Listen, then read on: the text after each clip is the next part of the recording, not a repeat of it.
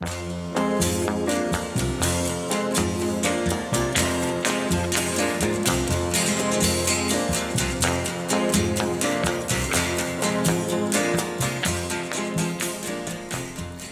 Bueno, pues como adelantábamos en el sumario, entramos en esta primera entrevista de hoy. Vamos a hablar de esa iniciativa, eh, bueno, ese cineforum, mejor dicho, los cinco gritos de la ELA, bueno, pues organizado entre otras eh, por parte de Adela Araba. Y bueno, pues para hablar acerca de esta iniciativa y bueno, pues de también de, la misma asociación de Adela, bueno, pues tenemos ya al otro lado del teléfono a Sara, parte de Adela Araba. Caixo, Sara. Egunon. Bueno, pues eh, igual antes de empezar a hablar sobre bueno, pues este cineforum, estas piezas eh, audiovisuales, igual estaría guay también, ¿no? Pues eh, bueno, pues contextualizar un poco la asociación misma y bueno, pues no sé si podrías hablarnos un poco de la, de la asociación de Adela, qué es y, y cuándo se creó. Pues mira, Adela es una asociación que está creada por familias que cuidan a familias, que nos encargamos de cuidar a las personas que en Álava tienen un diagnóstico de ELA y no solo a las personas enfermas, sino también a todo su entorno familiar. Se creó hace 26 años, en 1997, y desde entonces pues nos dedicamos a esta tarea de, de cuidar y lo hacemos a través de terapias que proporcionamos a las personas enfermas y grupos de ayuda mutua, por ejemplo, formación y también hacemos mucha campaña de visibilidad porque creemos que lo que no se ve no existe y nuestras personas necesitan eh, que sea visible la ELA para que les podamos reportar todos los cuidados que necesitan.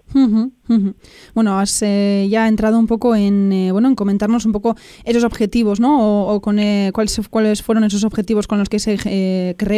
eh, Adela y bueno, pues alguno de esos eh, servicios que ofrece, pero bueno, no sé si podrías explicarnos un poco, bueno, pues qué, qué servicios se ofrece tanto, bueno, pues para las personas enfermas de ELA como a los familiares o bueno, también, como bien decías, igual un poco a la sociedad en general, un poco con ese conocimiento, ¿no?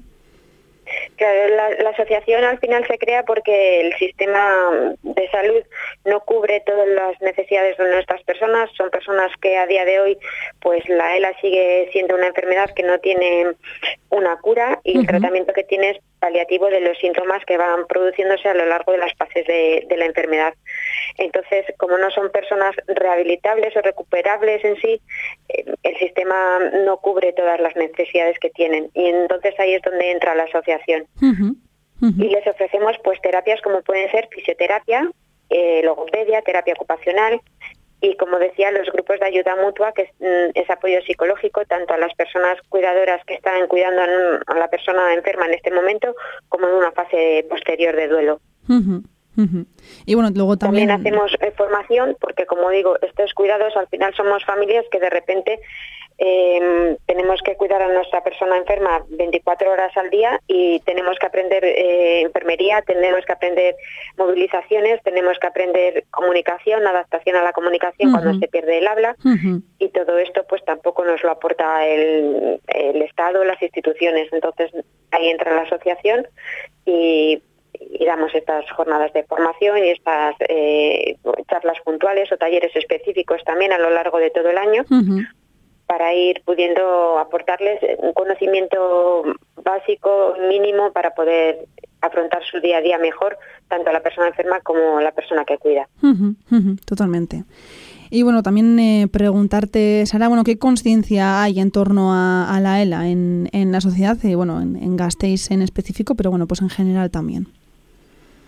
Pues eh, hoy en día podemos decir que somos afortunados en este sentido porque es mucho más visible, quizás a través de personas muy mediáticas como son Juan Carlos Unzué, que es extremadamente generoso con nosotros y desde que tuvo su diagnóstico y lo hizo público, pues ha dado una visibilidad exponencial a la enfermedad. O anteriormente, por ejemplo, Francisco Luzón también al crear su fundación y al eh, exponer en medios de comunicación bastante frecuente lo que es la enfermedad y lo que conlleva, pues se hizo bastante más visible, porque normalmente es una enfermedad que, aunque no es nueva, hace ya más de 150 años que se descubrió, se ha vivido mucho en los domicilios, en la intimidad de los domicilios y de las casas, y eso pues eh, era uno de nuestros hándicaps a la hora de poder reclamar las necesidades de estas personas enfermas porque no se conocía lo que era en sí la enfermedad ni las consecuencias que tenía tanto para la persona enferma como para, para el entorno. Al final es una enfermedad que no solo eh, eh, interfiere en la vida de la persona enferma, sino de la persona cuidador principal, que normalmente es un familiar más allegado, padres, hijos, esposos, que tienen que dejar de trabajar, que tienen que dejar su día a día para atender las 24 horas que necesitan a su persona enferma. A veces. Yo creo que la sociedad es más consciente, pero aún nos queda mucho camino por hacer. Sara decía que, a veces, eh, bueno, pues eh, la gente o desde la asociación también os referís a la ELA como, como una lotería. ¿Qué queréis decir con esto? Pues decimos que la ELA es una lotería porque en realidad le puede tocar a cualquiera. Es una enfermedad, como han comentado antes, que no se conoce su causa. Y entonces no, por ello todavía tampoco tenemos cura. Y entonces em, no, no distingue de, de razón de sexo, edad, condición social es una enfermedad que no sabemos qué lo detona y que le puede tocar a cualquier persona que hoy en día está sana y de repente mañana empieza a notar síntomas de debilidad muscular o de debilidad en el, en el habla, trastornos del habla que empieza a hablar con más dificultad, con, con dificultad en la lengua. Y, son personas pues esto que están normal sanas y que son normalmente además eh, la mayoría grandes deportistas y con una vida muy ordenada y de repente tienen un diagnóstico de ELA. Pues eh, Sara, si te parece bien, pasamos ahora a esta iniciativa de estos dos lunes que antes no lo he comentado, que tendrá lugar hoy 5 de junio y el siguiente lunes 12 de junio. Eh, bueno, pues eso se lo, habéis titulado, ¿no? Los cinco gritos de la ELA y bueno, pues eh, si no me equivoco será un estilo cineforum en el que bueno, pues se proyectarán eh, distintas piezas audiovisuales, sobre todo documentar, documentales en torno, en torno a la ELA. ¿Qué objetivos tiene esta iniciativa? Bueno, no sé si también nos podrías comentar, bueno, pues cuáles son esos documentales, de qué hablan o, qué, es lo que tratan. Pues esto es, un grupo de documentales, cinco documentales que pondremos, como bien has dicho, entre los dos días, en el que mm, se inicia a través de Pablo Olmos, que es una persona enferma de la de Saya, en Vizcaya, que ha sido montañero y de repente con el diagnóstico de él ve cómo su posibilidad de seguir ascendiendo a cumbres y a las montañas ya no puede ser física, pero sí que puede ser a través de acompañar a, una llantada, era su compañero de aventuras en la montaña, pues dirigiendo la expedición con sus ojos, su comunicador y participando en ella como si recordando cómo, cómo lo vivía cuando estaba allí físicamente y trasladándonos a todos los demás, haciéndonos sentir parte de esa acordada y ese, ese reto, ¿no? Es una visión de la enfermedad en la que te adaptas a la situación y con resiliencia sigues dándote cuenta que puedes hacer mm, muchas cosas de las que antes hacías de otra manera, pero que puedes seguir haciéndolas, ¿no? Y ahí, a raíz de, ese documental, se crea también en torno a Pablo Olmos la asociación Dardar, que es la promotora de estos cinco eh, gritos eh, por la vida, por la investigación y para dar visibilidad a, la ELA. Después de ese reto, pues eh, Pablo Olmos tenía otro sueño que era subir al Lama de Blanc y se creó una segunda expedición, pero que fue parada por la pandemia en este impasse en que la pandemia del COVID pues eh, paró esta expedición, se fueron uniendo otras personas enfermas que también son referentes, como Miguel Ángel Roldán, de la Asociación San la Lengua La ELA, Jaime Lafita, de la Asociación Dale Candela, y nuestra compañía, nuestra compañera Ichiar de aquí de la Álava, querían sumarse a esa acordada también y formar parte de esa expedición, igual que hizo Pablo Olmos en la primera, eh, eh, algunos de forma física yendo allí al Himalaya y otros pues de forma desde casa, desde por ejemplo Ichi es geóloga y quería eh, aportar toda su experiencia como geóloga en este proyecto. Y durante la pandemia pues surgieron otros pequeños retos para ir haciendo mientras podían subir hasta el Himalaya porque estaba todo cortado por el COVID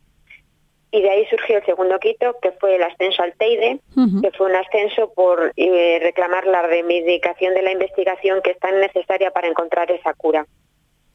Después surgió otro documental que es Tandem, en el que Jaime Lafita y su hijo Diego, en una bicicleta Tandem, acompañados también por todas las personas de Dale Candela y de la acordada de este proyecto, pues fueron primero en vela desde Getxa hasta La Roselle y después en bicicleta desde La Roselle hasta Bruselas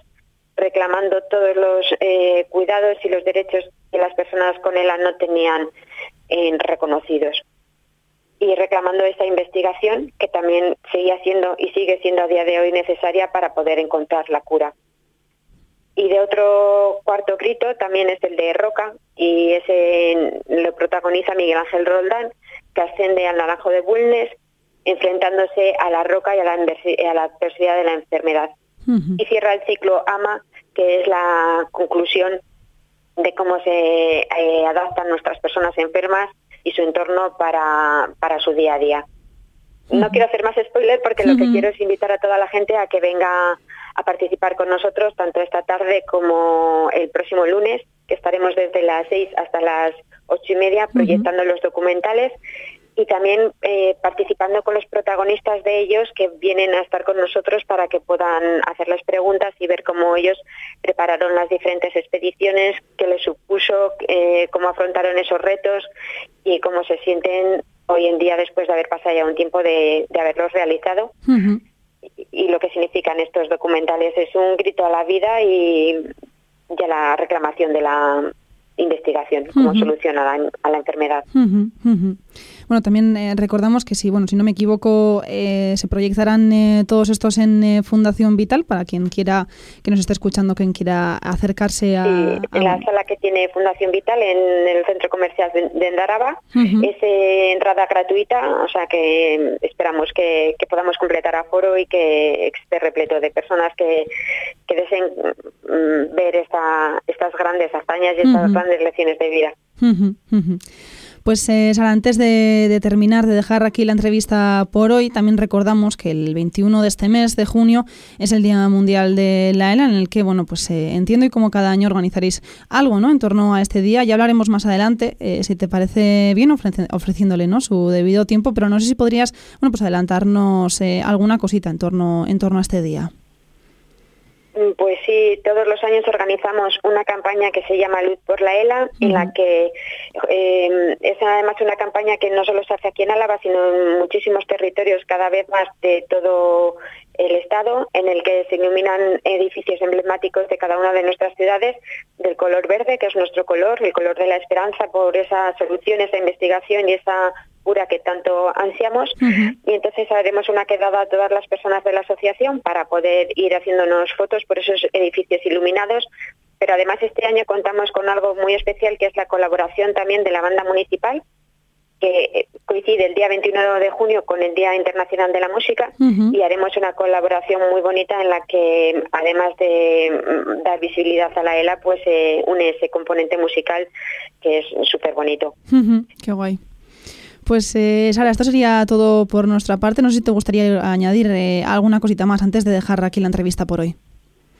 Pues eh, me gustaría comentar a todas las personas que nos estén oyendo y que tengan un diagnóstico de ELA o un familiar que ha tenido un diagnóstico de ELA, les animaría a acudir a la asociación